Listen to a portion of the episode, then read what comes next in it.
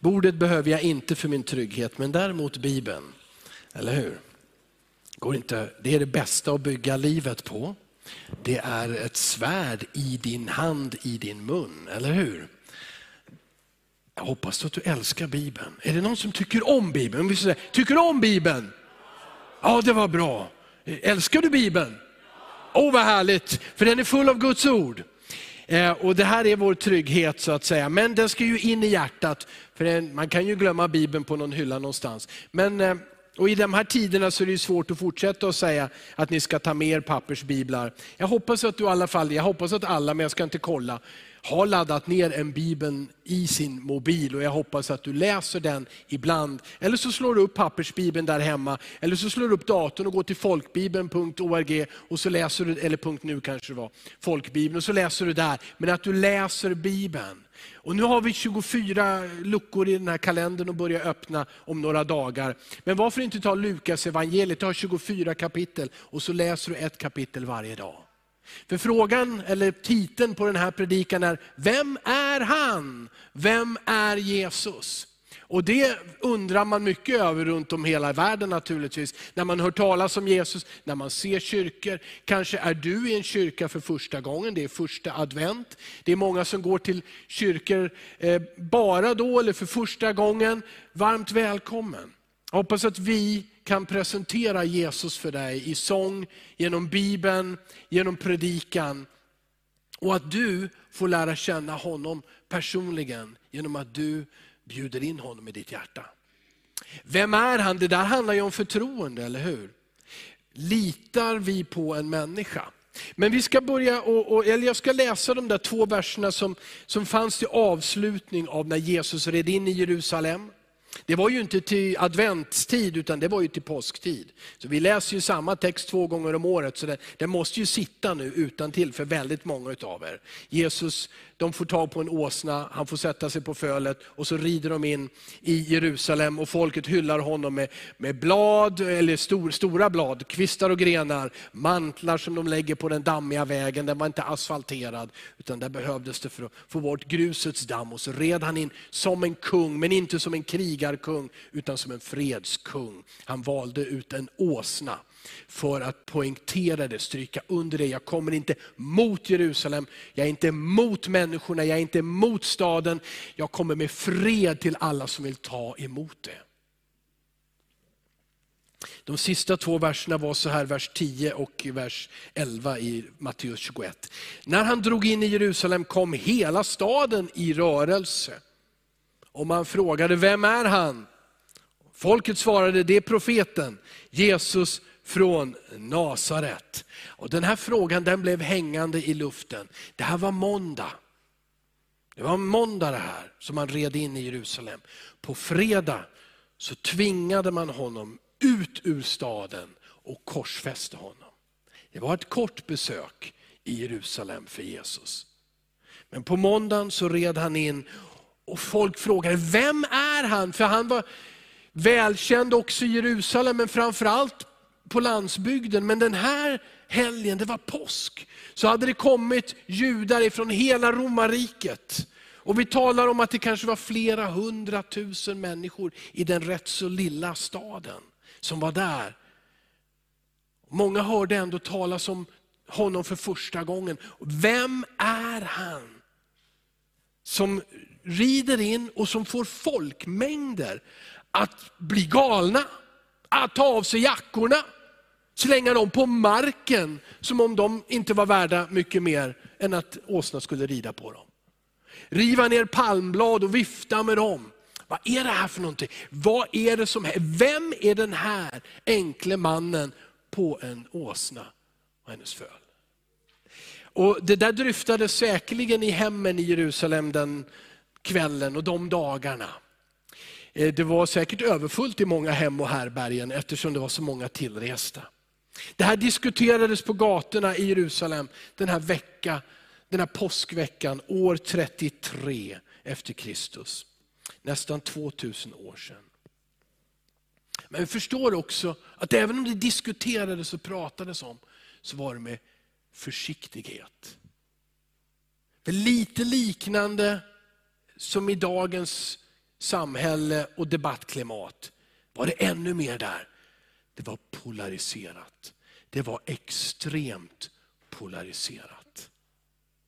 Och att säga att jag tror att Jesus är Messias, det gick, det fungerade när du stod i den stora massan och ropade och det, var liksom, det hände någonting och alla kunde visa sin begeistring. Men att stå för det, att Jesus, han är Messias, när det innebar att du och din familj blev uteslutna ur synagogan. Det var inte lika lätt. Det var en polarisering som borde få oss att tänka på, relatera till det vi lever i. Om du skriver på Facebook, om du säger någonting i kaffepausen på arbetet. Det finns en polarisering, det fanns samma polarisering. Du har det inte svårare idag än människor hade för 2000 år sedan. Vem är han? Folket de hade ett svar, ni läste det. Profeten, ropade Han är profeten. Och folket var begeistrade, de hyllade honom som Messias, en kung. De religiösa ledarna däremot, ledarna, det var olika partier som alltid stred med varandra. Det fariseiska partiet, det saddukeerna, herodianerna. De var emot varandra, alla ville ha makten. Den politiska och den religiösa. Men de var enade i detta, att de hatade Jesus. Och när vi tittar på bibelverser tidigt i Markus evangeliet så ser vi att det hade gått redan tre år sedan. Fariseerna på landsbygden hade bestämt sig för, han måste vi bli av med. I tre års tid. Och nu kommer han in som en mus i en fälla. Nu tar vi honom. Och när du läser i evangelierna så går Jesus till tempelplatsen, denna jättestora plats. Eh, där, där det var tiotusentals människor. Och under påskveckan så offrade de lamm, och det här är ju inget trevligt för oss. De offrade alltså tiotusentals lamm för att få sina synder förlåtna. Det här var säkert ingenting som är angenämt på något sätt. Att ha prästtjänst i Jerusalem under påsken innebar antagligen att varje dag så gick du hem full av blod från tusentals lamm som människor offrade för att förhoppningsvis få gå hem med ett rent samvete. Med en känsla av att jag tror, jag hoppas att jag är utan skuld. Så den dag jag dör så blir jag inte dömd utan får, komma, får vara fri. Lärjungarna, de hade dock gått längre, men vi känner ju lärjungarna, de är ungefär som vi. De bekände ena dagen och tvekade andra dagen. Men Petrus hade sagt till Jesus klart och tydligt, du är Messias, den levande Gudens son. Och då var det som om pingsvännen Jesus sa halleluja. Eh, men han, han sa, det är Fadern som har uppenbarat det för dig. Han har tal. det är ingen människa som har gjort det klart för dig. Det är Fadern som har uppenbarat det för dig. Och på en sån tro, sa Jesus, ska jag bygga min församling. Den som bekänner att Jesus är Messias, den levande Gudens son. Men vi vet att Petrus, han är som många utav oss, och när det blev lite tuffare så stack han också. Och han till och med förnekade att han kände Jesus. Det finns så mycket av mänsklig natur. Visst är de hjältar, Petrus, Paulus och de många andra. Och de är ungefär som den typen av hjältar vi är. Det är bra ibland, men andra gånger så vill vi gömma oss. Folket då, de var ju som sagt begeistrade. De ropade Davids son. David, han är Davids son! Och det här var en mycket tydlig titel ur det gamla testamentet på Messias. Messias Eh, är utav Davids ett, av den kungaätten av kung David, 1000 år tidigare. En rak, I en rak linje, ett släktled, så ska Messias komma från Davids släkt och familj. Så de ropar, det här är Davids son. Men eh, han fick folkets stöd, men de misstog sig på vem han var, eller hur? De såg i honom en, en politisk revolutionär. Någon som skulle röja upp. besegra ockupationsmakten Rom och upprätta Israel i sin ära. Det var, det var det folket ville. Så alla som var för Jesus var för sin egen idé av vem Jesus är. Och det tog inte många dagar så lät sig folket förledas och manipuleras av ledarskapet att ropa, korsfäst honom, korsfäst honom. Och ingen enda, inte en enda, försökte att stoppa den korsfästelsen. Inte en enda av de många som var för Jesus och att han skulle besegra romarna åt dem. Men det här med vem är en människa, visst det har ju med, med, med eh, förtroende att göra, eller hur? Det är därför det är viktigt. Är, är en människa värd, är Jesus värd att tro på, att följa år 2021? Är det han säger värt att lita på? Men det är därför frågan ställs, så ställs den idag, vem är han? Eller är, är han bara del av världens största konspirationsteori? Är det, det, är det så lätt det är bara att säga, en konspirationsteori, behöver inte ta itu med det här, behöver inte fundera på det här. Men visst är det viktigt med att man har förtroende. Har vi förtroende för ledarna i vårt land? Eh, de byts ju rätt ofta. Har, har vi förtroende för ledare i vår värld? Eh, eller hur? För vi hör någon säga någonting, ja, men jag lovar att när ni väljer mig, då blir det så här. Om du litar på det han eller hon säger, det har ju att göra med om du känner den personen som en som står för sitt ord. Och som inte heller är en idealist som har glömt bort att man måste prata med andra innan man omsätter ett beslut. Men så är det med grannar också. Ja, men vi, vi, många av oss i Sverige vi utgår ifrån att alla grannar är snälla mot oss hela tiden, eller hur? Och så upptäcker vi att de kanske inte alltid ser saker på samma sätt som vi från sin sida staketet. Så vem tror han att han är? Det här är min mark, den är här. Vad är det där för ful buske? Vem, vem, vem, vem tror hon att hon är? Men det kan ju också bli värre så att säga. Besvikelsen kan gå så mycket djupare i en, i en familj. Det här är min mamma, det är min pappa, det är min syster och min bror. Men när våld och missbruk kommer in så bara, åh, vad är det här för en människa? Vem är det? Så frågan vem det är, är ju superviktig. För det handlar om, litar vi på den personen? Litar vi på personen, då blir det i alla fall lite lättare att lita på vad han eller hon säger. Eller hur? Då har vi någonting att börja med. Och därför är frågan aktuell än idag, 2021. Vem är Jesus? Vi har sjungit många sånger idag som talar om vem Jesus är. Messias och kungen och Herren, Davids son. Hosianna har vi sjungit ut, vilket betyder fräls mig. Eh, det finns en, en välkänd sångare, jag såg det i Aftonbladet precis, underhållare Björn Skifs. Är det många som känner till Björn Skifs? Ja, så, du har kanske väntat länge på det, men nu, har han, nu ska han ge ut ett julalbum. Varje seriös artist blir någonstans oseriös och ger ut ett julalbum. Eller hur? Och, och, och nu ska Björn Skifs också, och han är, han är jättestolt. Han säger, jag garanterar att i mitt julalbum så finns det inga religiösa över eller undertoner. Mm. Det, enligt Aftonbladet så säger han, det här är en julskiva jag verkligen står för. Och då menar han, här får ni julsånger och traditioner helt utan Jesus. Åh vad mysigt, tycker Björn Skifs.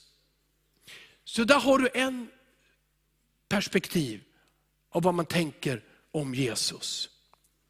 I judiska kommentaren Talmud, skriven efter Jesus, verkar det som de tog över fariseernas traditioner och tankar kring Jesus. När de i princip summerar med att Jesus var en man som höll på med magi och vilseledde folket.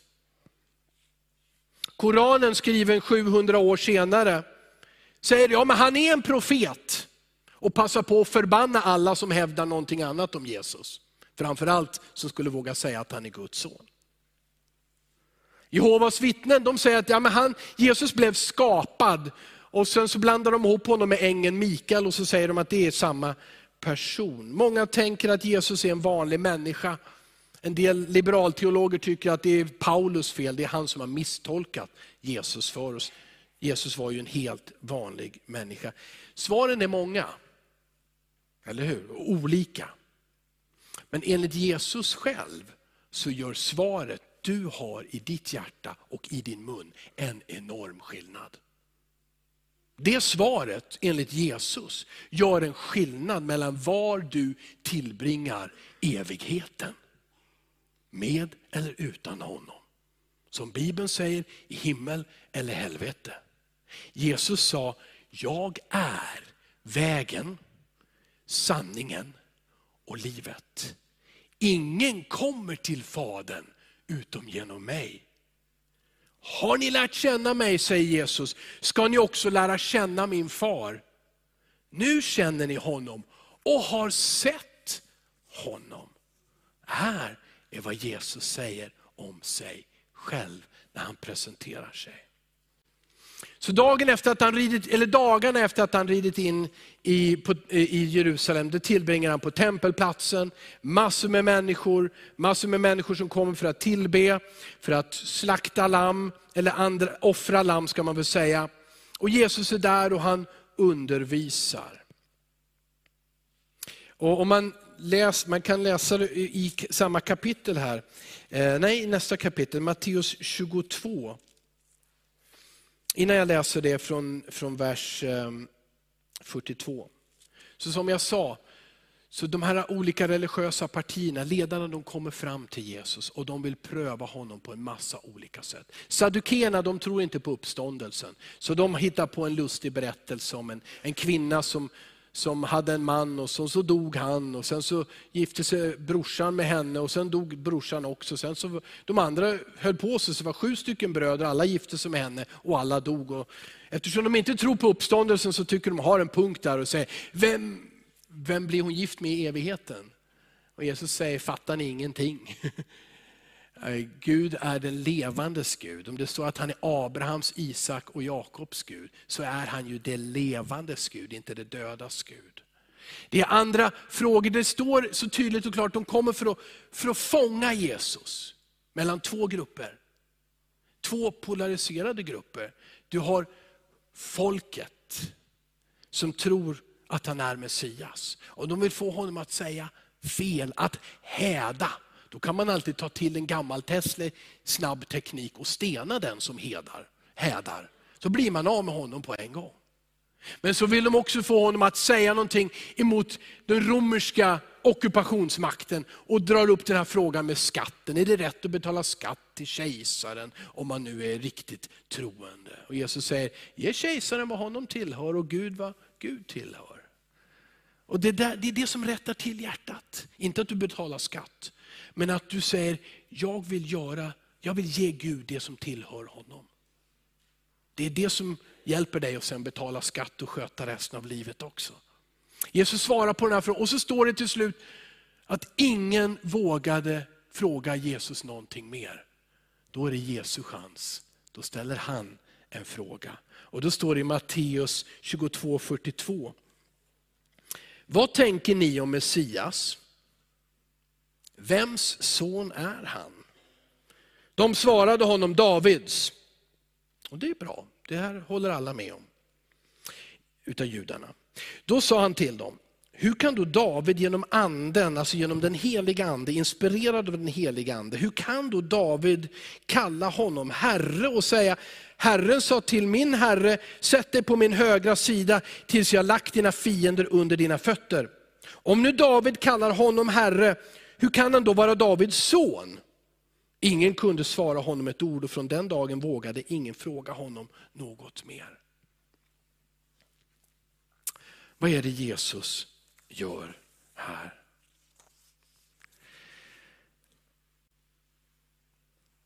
Här är människor som kommer för att få honom på fall varje dag. De försöker att sätta dit honom och bli av med honom. Vad gör, hur ser Jesus på dem? Hur ser Jesus på dem som vill sätta dit honom? Han älskar dem. Han vill ha en dialog med dem. Eller hur? Jesus stänger inte dörren i deras ansikte. Han går till skriften, till gamla testamentet och resonerar med rabbiner på rabbiners vis. Ställer en fråga som han själv besvarar. Och sen låter han dem fundera på vad innebär det? Alldeles innan hade någon kommit och frågat, Mästare, vad är det största och viktigaste budet i hela lagen? Och det finns 613 bud, så det är många och man kan rösta på många. Och diskussionerna var många. Men Jesus säger att älska Herren din Gud av hela ditt hjärta, av hela din själ, av hela din kraft. Och att älska din nästa som dig själv. Det sammanfattar allting. Och den här mannen som ställer frågan, den skriftliga, säger, bra svarat. Vågar inte säga mer, du har rätt. Jesus. Och då säger Jesus till honom, du är nära Guds rike. En skillnad, han säger inte du är i Guds rike, men du är nära Guds rike. Och sen så går Jesus in i den här dialogen. Öppnar med tvivlaren, öppnar med den som är arg på Jesus. Den som har missförstått vem han är. Som inte vill ha med kyrkan eller kristna att göra. Men Jesus vill öppna en dialog med varje människa. Och Den här gången gör han det med rabbinerna, på rabbinernas vis. Och Då citerar han salmen 110. Och Det här visste jag inte förrän jag vet det nu. Att salmen 110, det finns ingen psalm som blir citerad så ofta i Nya Testamentet som salmen 110. Så det här citatet som Jesus ger, den här frågan som han ställer, den blir grundläggande i bok efter bok efter bok i Nya Testamentet. Vi läser den där versen, det är eh, psalm 110 vers 1, så blir det ännu tydligare där står det, Herren sa till min Herre, sätt dig på min högra sida tills dess jag har lagt dina fiender som en pall under dina fötter. Ehm, på grekiskan, eh, och det, i vårt nya testamentet så är ordet för Herre Kyrios. Kyrios sa till Kyrios, och det blir, åh vad är det här? Men när du läser Saltaren direkt, har du en folkbibel som jag, då är det så att första gången som det står Herren, det gör det inte här på skärmarna, men väldigt ofta så står det med stora bokstäver, Herren. Och sen står det sade till Herren med, med små bokstäver. För att det är två olika ord eller två olika namn.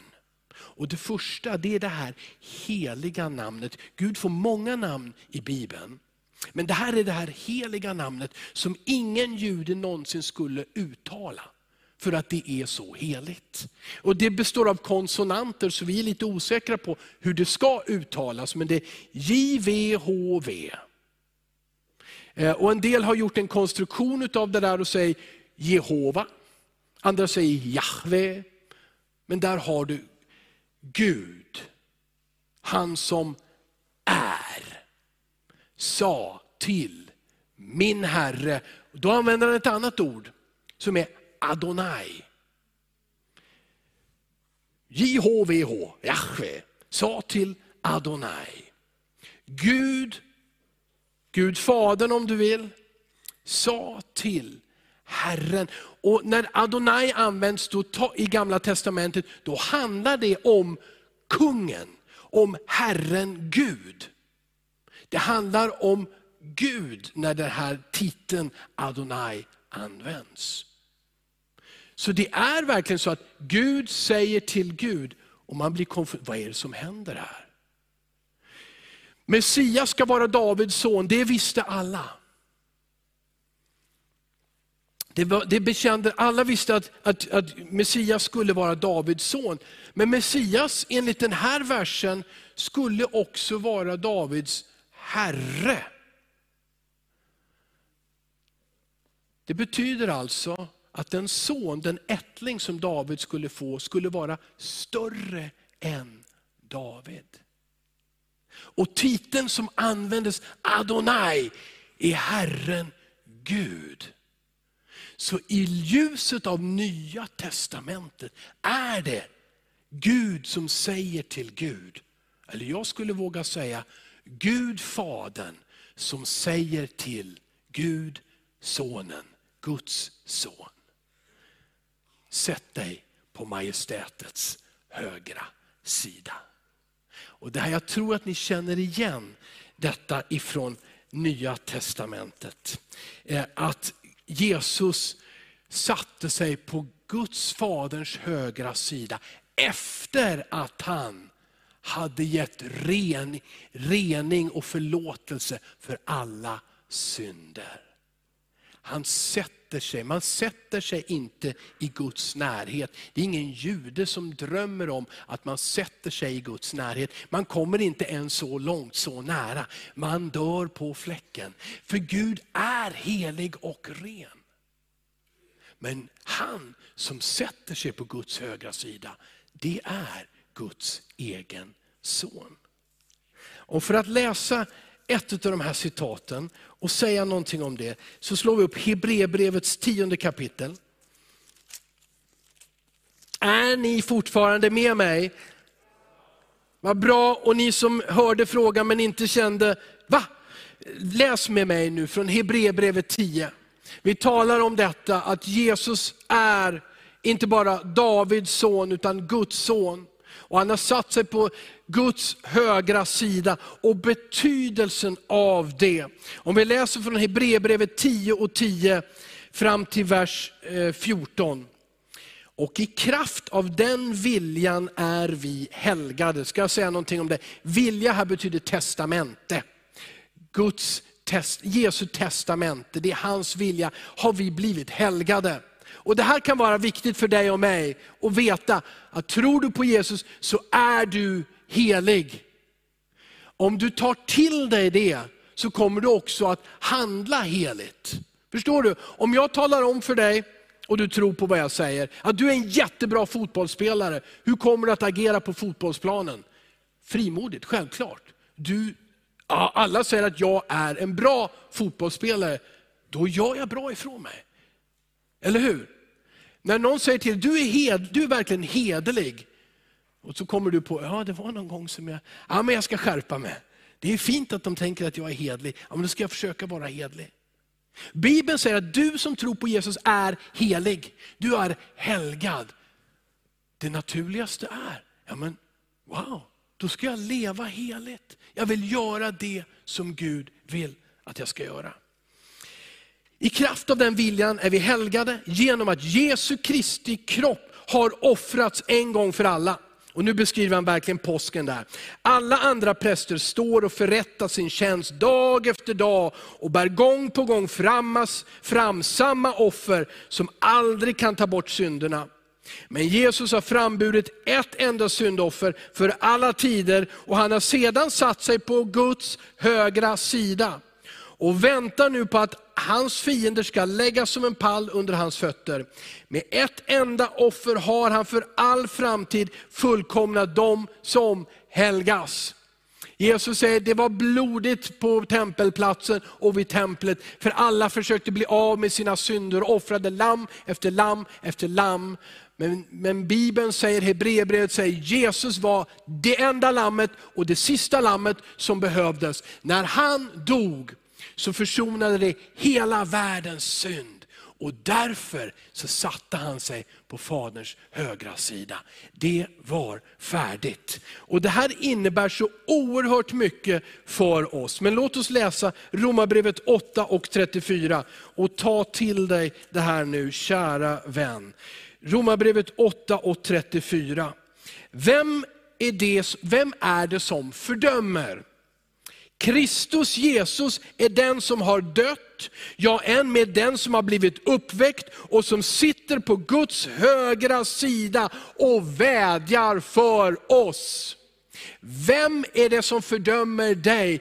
Kristus Jesus själv, han vädjar för dig. Tycker du att du behöver en bättre gudskontakt? Ingen gudskontakt kan vara bättre än att Jesus sitter precis vid Faderns högra sida och vädjar för dig. Och därför inleds Romarbrevets åttonde kapitel med denna proklamation. Så finns det nu ingen fördömelse för de som är i Kristus Jesus. Det finns ingen fördömelse. Du är helig, du är förlåten. Han gav sitt liv för alla världens synder.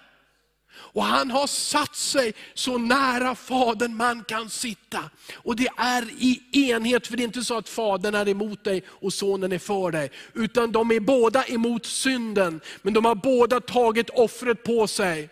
Fadern älskade världen så att han gav sin enda son, för att de som tror på honom ska ha evigt liv och inte gå förlorade. Och Jesus tog det i sin egen kropp, han blev människa, tog lidandet och dog för din och min skull. Nu är han upphöjd och nu vädjar han. Så inte en sekund behöver du fördöma dig själv. Utan när du vet att du gör fel, säg förlåt Jesus. Men tack Jesus för att du verkligen förlåter. Tror du att Jesus bara förlåter det som är bakom dig, men inte det som är framför? Är det så du tänker? Ja, men det som, de, de synder som jag hade fram tills jag blev frälst, de har han förlåtit. Men det här som jag går omkring och drar på nu, det, kan han inte, det förlåter han kanske inte. Ja, men ställ en enkel logisk fråga till dig. Eller ett, eh, när dog Jesus? Han dog innan du föddes. Han dog innan varenda synd som du skulle någonsin göra, så dog han redan då. Förstår du?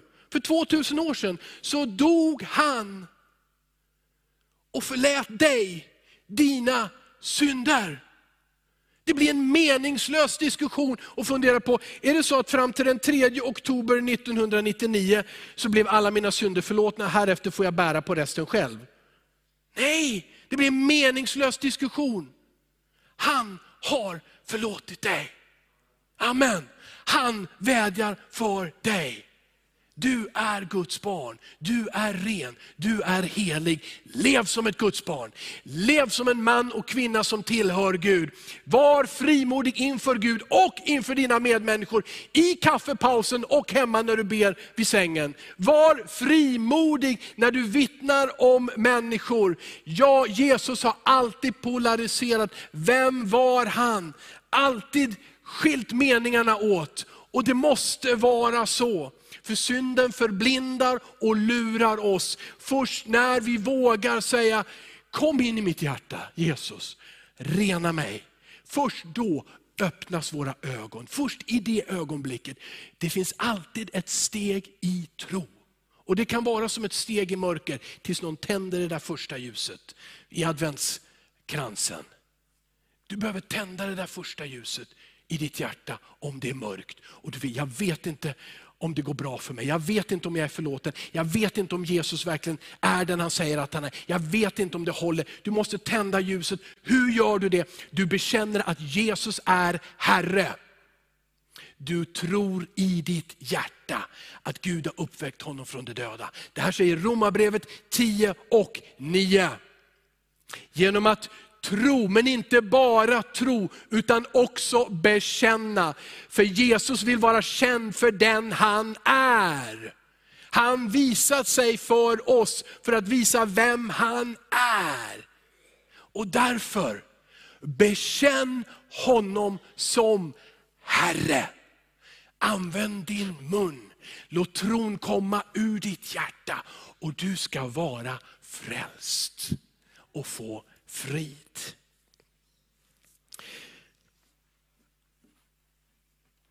Alla förstod vem han var. Ska avsluta alldeles strax. På den där tempelplatsen, fariseerna, saddukeerna. De förstod vem han var, men det står att de teg. För de ville inte. De ville inte. Det fanns inga argument kvar. Det fanns inga frågor, ingen fälla mer att lägga upp för Jesus. Allt talar för att det han säger om sig själv, det är sant. De var visa, de var smarta.